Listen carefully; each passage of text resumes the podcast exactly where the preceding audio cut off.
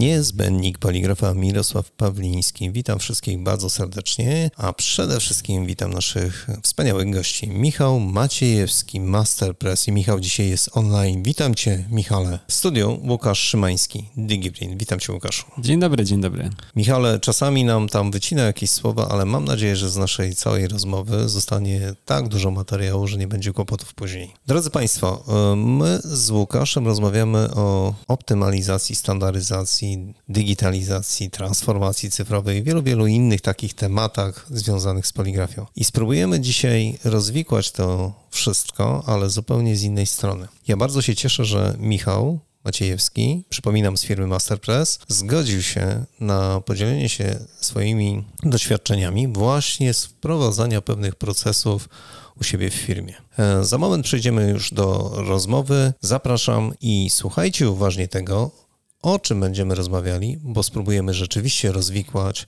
niezłe węzełki. No właśnie, pierwszy raz mamy klienta po, po tej stronie.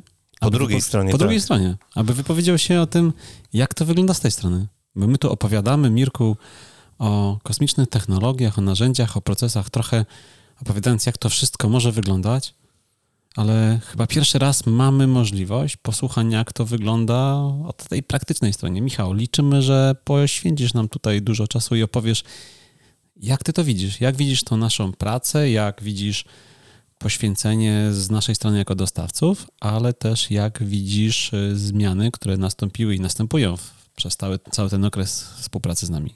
No dobrze, a ja zacznę od razu od pytania, Michał, i ten czas następny będzie absolutnie dla ciebie. Słuchaj, jaka tak naprawdę była geneza, początki tego, że zaczęliście w ogóle cokolwiek wprowadzać w firmie? Zdecydowanie wprowadzanie w firmie zaczyna się w naszym przypadku od podejścia właściciela. Ta firma zawsze stawiała na bycie przed innymi, wprowadzanie innowacji, rozwijanie się w taki sposób, że by jak najwięcej rzeczy dawa, udawało się optymalizować, automatyzować. I od tego wszystkiego wychodzą również ludzie, którzy pracują w tej firmie, którzy niejako sami z siebie mają takie podejście do wykonywanej przez siebie pracy, żeby na każdym kroku myśleć, co można zrobić jeszcze szybciej, jeszcze sprawniej, jeszcze bardziej powtarzalny i bezpieczny sposób. No dobrze, e, poczekaj, ale na początku tego wszystkiego w ogóle był pomysł, żeby coś zrobić. Skąd w ogóle ten pomysł, żeby wejść w ogóle w taki obszar jak optymalizacja i standaryzacja?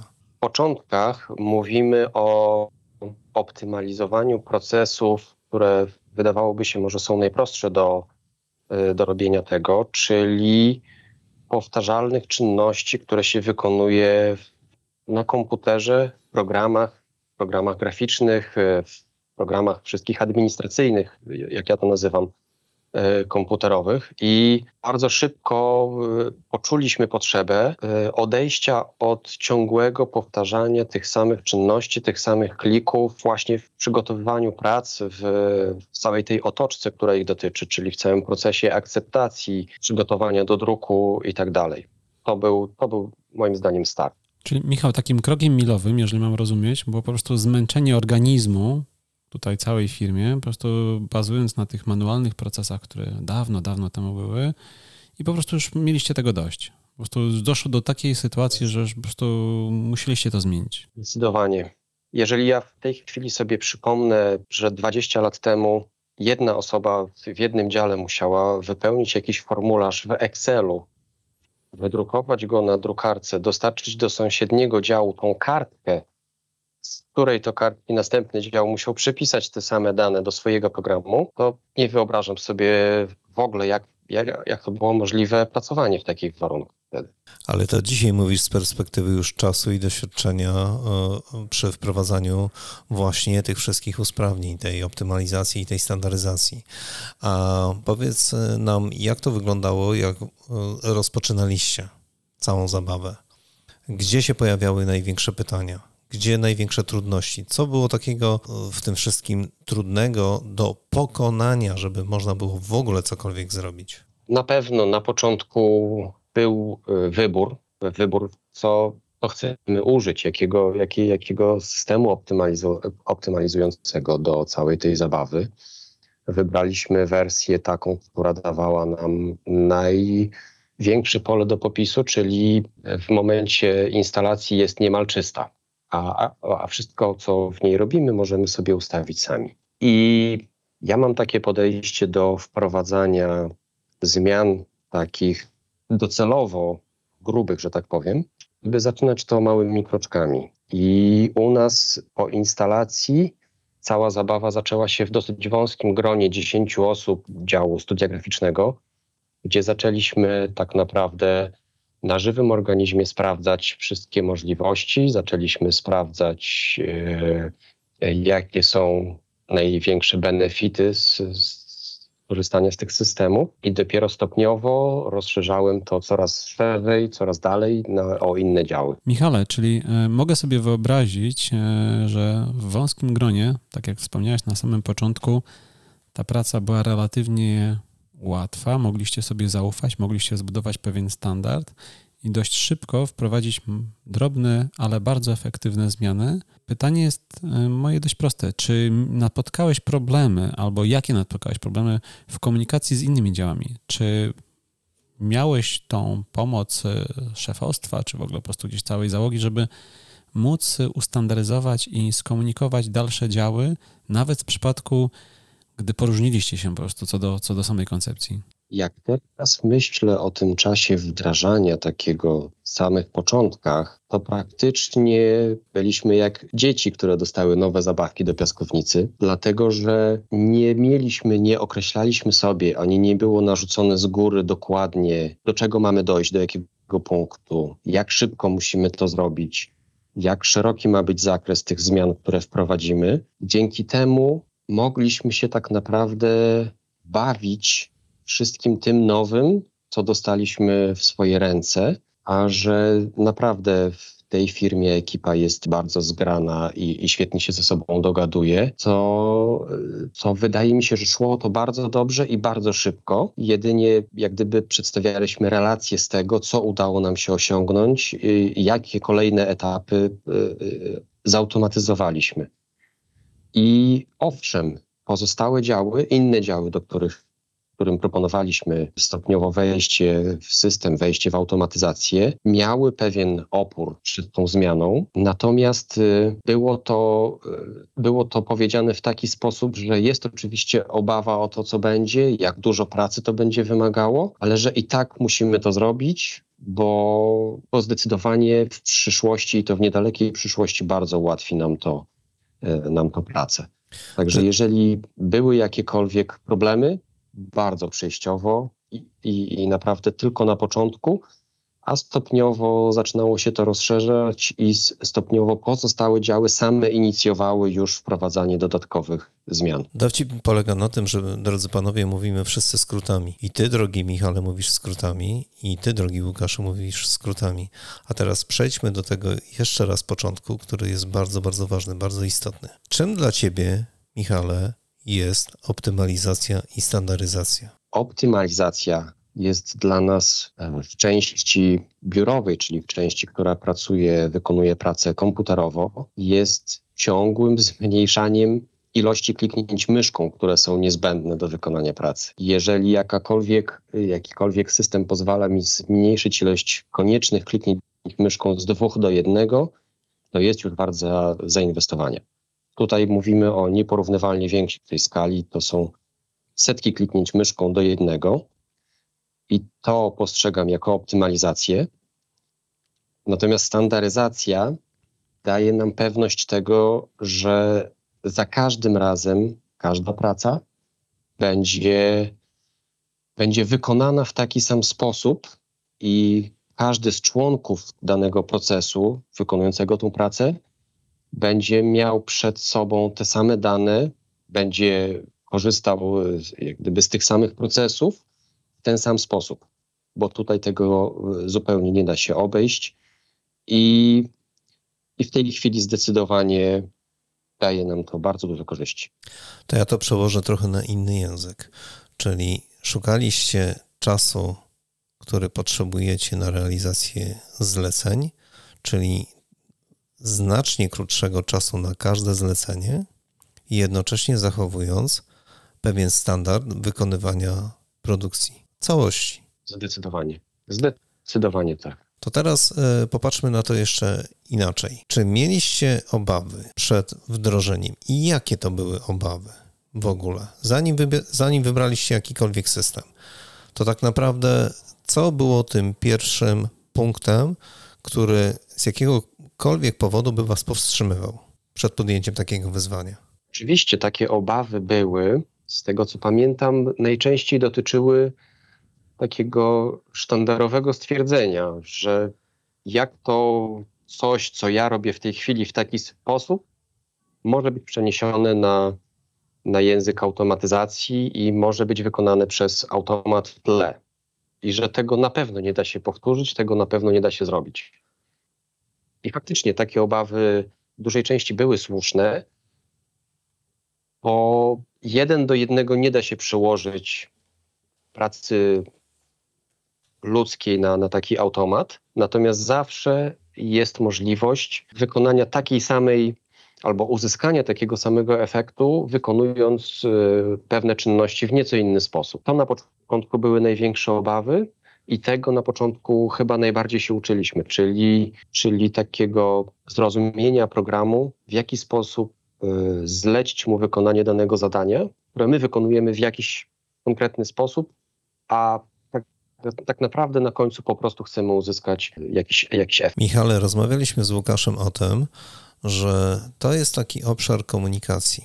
Komunikacji między ludźmi, komunikacji między ludźmi a maszynami, komunikacji między maszynami i innymi maszynami czy urządzeniami i również w drugą stronę między urządzeniem a człowiekiem. I w tym wszystkim tak naprawdę ta optymalizacja i standaryzacja, o której wspomniałeś i o tych obawach, tak naprawdę chyba chodziło o to, żeby zacząć rozmawiać jednym językiem, łącznie z tymi urządzeniami. Jest zdecydowanie i ostatecznie do tego doprowadziliśmy. Zaczęliśmy się między sobą komunikować, odbieramy, że tak powiem, właściwie wszystkie, wszystkie informacje z systemu, ale jednocześnie system y, zasilany przez nas informacjami potrafi to dalej też przekazywać czy innym osobom, czy innym maszynom. Działa to bardzo płynnie. Przed wyborem odpowiedniego oprogramowania, czy przed wyborem w ogóle dostawcy tych wszystkich rozwiązań, co braliście pod uwagę? Co stanowiło dla Was klucz? Kluczem była na pewno otwartość systemu, czyli to, że możemy sami sobie wybrać mm, atrybuty, które chcemy mieć w tym systemie, że możemy sami sobie te atrybuty nazywać po swojemu i wpisywać w tych atrybutach to, co sami byśmy chcieli. Nie wszystkie systemy na to pozwalały. Większość systemów była stosunkowo ograniczona w tamtym czasie wyboru do, do pewnych sztywnych, e, z góry narzuconych parametrów, atrybutów, które, które należało uzupełniać, żeby w ogóle jakieś,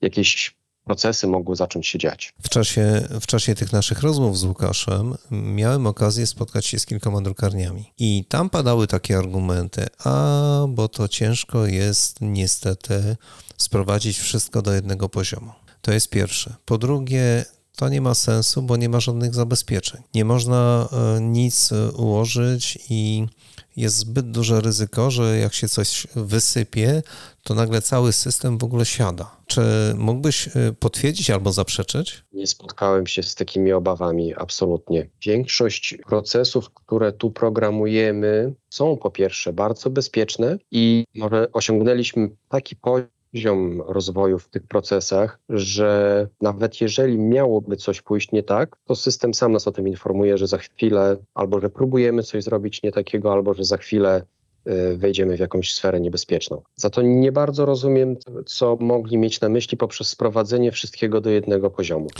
A ja chyba wiem co.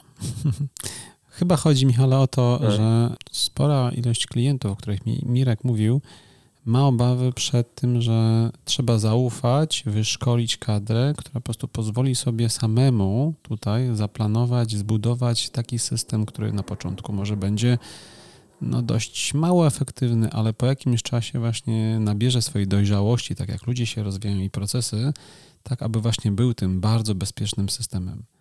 Jak sobie przypomnisz początki e, instalacji to wszystko opierało się o eliminację różnych tam błędów, czy też y, kolejne iteracje workflow i procesu naprawiały te sytuacje, te historie, które się zdarzały.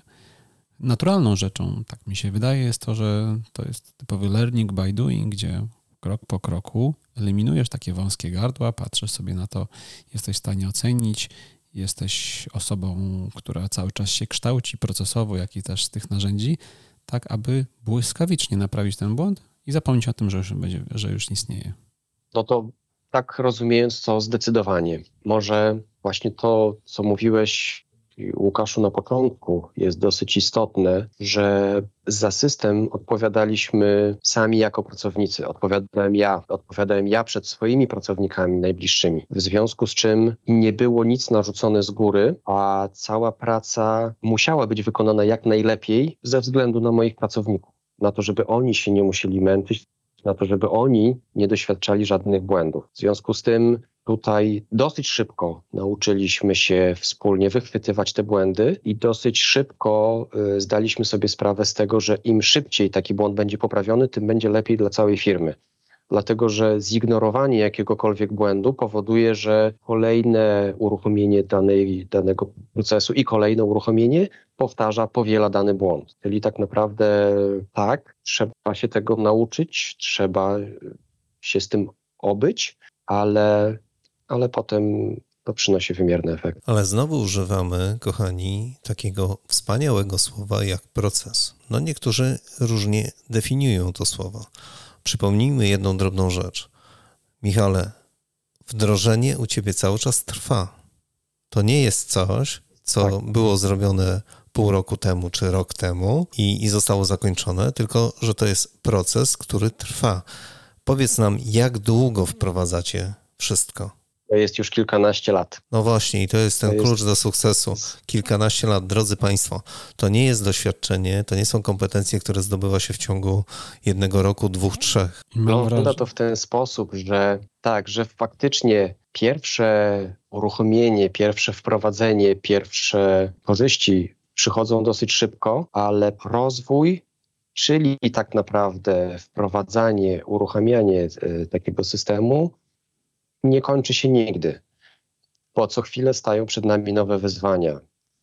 Dochodzą nowe maszyny, nowe techniki druków, dochodzą nowe problemy, w sensie zgłoszone przez klienta jakieś reklamacje, które nas zmuszają do tego, żeby zmodyfikować nieco to, co do tej pory robiliśmy w jakiś określony sposób.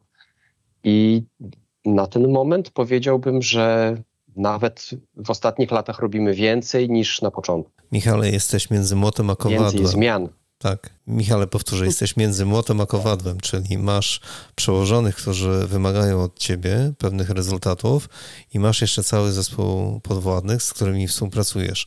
Powiedz mi, jak jest ciężko złożyć te wszystkie trzy elementy, żeby one ze sobą współgrały, czyli żeby były spełnione oczekiwania pracodawcy, tych, którzy bezpośrednio zarządzają firmą i tych osób, które bezpośrednio pracują na produkcji. Jak jest to trudne? Na pewno jest to trudne, ale konieczne jest usystematyzowanie tego, co na początku robiliśmy bardzo regularnymi spotkaniami, nieco wąskim gronie współpracowników z różnych działów i dosyć długo ustalaliśmy pewne kwestie, pewne blokady, pewne, pewne udogodnienia, które, które powinny działać w całym systemie.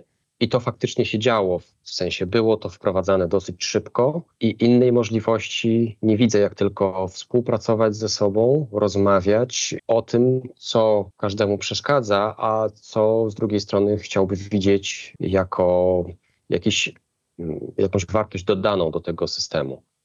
Y, natomiast powtórzę, przed przełożonymi swoimi składałem po prostu raport z tego, co osiągnęliśmy, jak daleko się posunęliśmy w swojej automatyzacji. Nie przypominam sobie, żebym miał postawione tak sztywno cele, że do końca roku powinienem zautomatyzować tyle i tyle działów albo takie części, takie, takie procesy w firmie. Z takim czymś nie było tutaj, nie miałem do czynienia. Dostałeś komfort pracy. To jest bardzo cenna rzecz, którą powiedziałeś.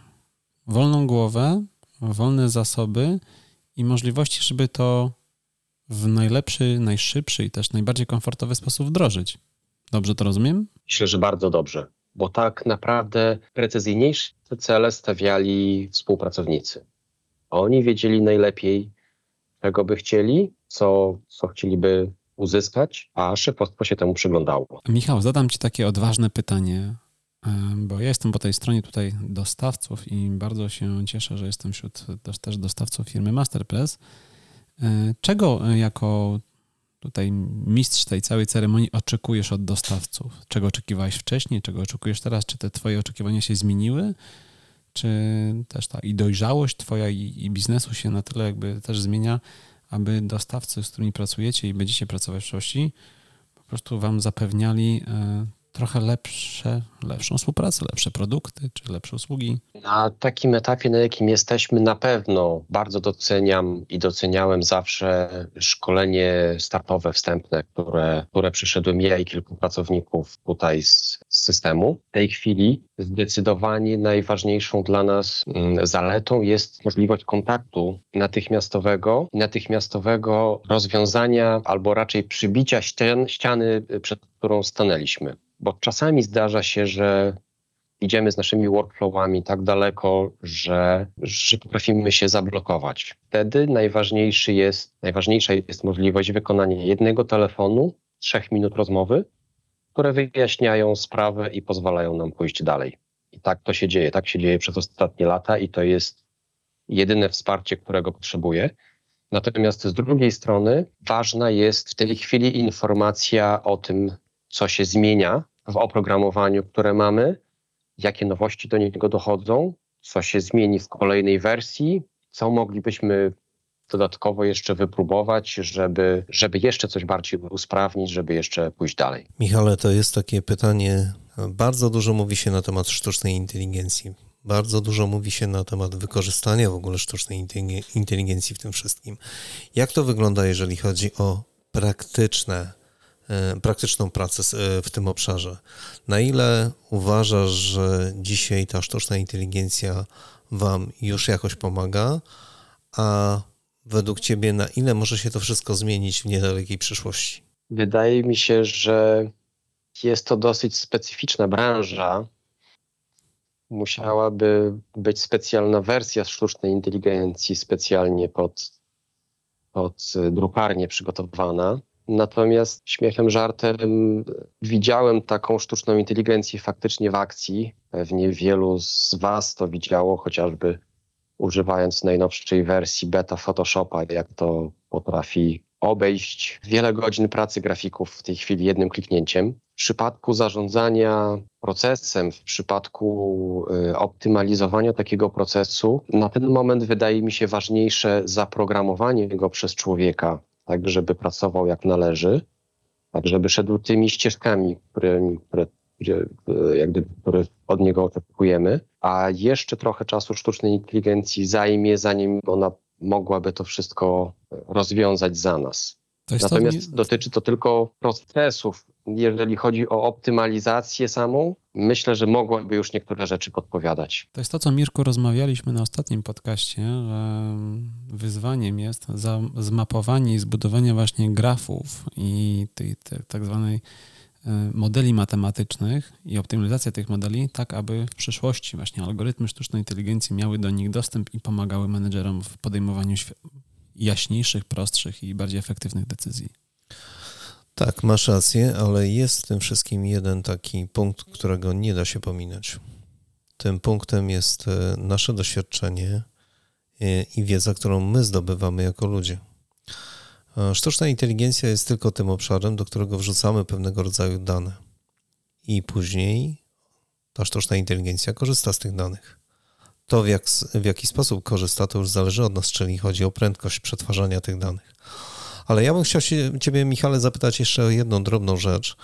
Czy y, w ramach tego wszystkiego, co udało się przez te kilkanaście lat y, zrealizować, w momencie, kiedy siadasz do y, jakiegoś podsumowania, powiedzmy, powiedzmy miesięcznego czy półrocznego, tego wszystkiego, co robicie, Jak duże y, różnice są, jeżeli chodzi o ilość zleceń, o sprawność działania organizacji, o przepływ informacji, o, o, wszystko to, co jest związane bezpośrednio w takim, wiesz, bojowym działaniu w drukarni? W porównaniu do czasów kilkanaście lat temu, a teraz y, jest to nie do porównania zupełnie. Y, ja w tej chwili widzę na żywo, na bieżąco cały przepływ pracy, ilości tych prac, całe wejście nowych y, zleceń, które, które mnie lada moment czekają. I zdecydowanie nie wyobrażam sobie zupełnie możliwości kierowania, zarządzania takim działem jak przygotowanie produkcji, nie wiedząc o tym, z czym tak naprawdę się mierzymy w procesie, w procesach, które już trwają albo które za moment, e, za moment do nas wejdą. To jeszcze wyjaśnij jedną drobną rzecz, Michale. Co włożyliście w te procesy? Które klocki Lego udało wam się połączyć? Zaczęliśmy od, od automatyzowania pracy administracyjnej działu graficznego, czyli w pierwszej kolejności pozbyliśmy się manualnego tworzenia mm, opisów plików, manualnego tworzenia montaży z plików, pozbyliśmy się konieczności wysyłania maili i wpisywania w nich treści jakiejkolwiek. Ależ oszczędność to czasu. To są pierwsze rzeczy. Tak, dokładnie. To się może wydawać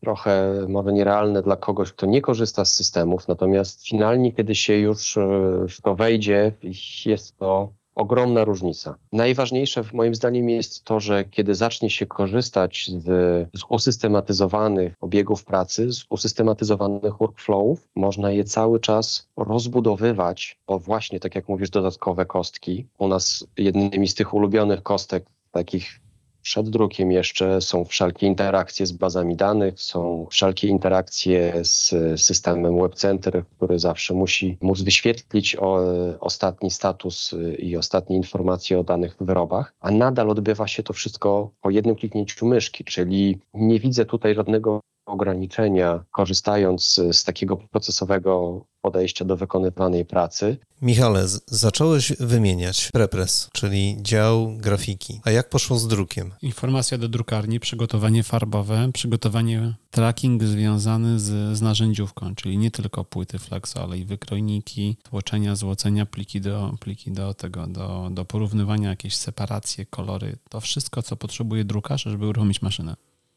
A czy, a czy drukarz dostaje podpowiedzi?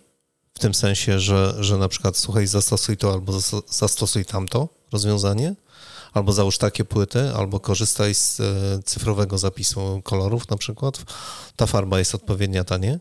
Jeszcze tego w tej chwili nie ma. Na razie. To wdrażamy, mm, czekamy. Znaczy to dopiero przyjdzie. Na, na, razie, na razie jesteśmy na etapie rozmów na ten temat. No, to jest. Natomiast mogę kontynuować, mogę jeszcze ze dwa zdania powiedzieć. Oczywiście. Kolejnymi kostkami, które uruchamialiśmy stopniowo, to było automatyzowanie procesu przygotowania płyt fotopolimerowych, czyli przede wszystkim ripowanie plików w standardowy, ujednolicony sposób e, w zależności od określonych atrybutów danej pracy. To było przekazywanie odpowiednich informacji kolejnym etapom, czyli farbiarni, mieszalni farb, przekazywanie informacji montażowi, oczywiście przekazywanie odpowiednich e, informacji na świetlarni płyt polimerowych. I wszystko to nadal odbywało się w sposób zautomatyzowany. Także ilość informacji, która w tej chwili jest przekazywana przez całym procesie, ilość informacji, która jednocześnie w tym procesie jest nadal dostępna, czyli nie jest to nic zapisane długopisem na kartce, która raptem gdzieś ginie, tylko w każdej chwili można wejść do danego procesu, do danego wyrobu, sprawdzić, jakie były ustawienia, jakie były ustalenia i jest w tej chwili normą, zdecydowanie. Bardzo dziękuję Michale za dzisiejszą rozmowę. Naszym gościem Michał Maciejewski, Masterpress i Łukasz Szymański, DigiPrint.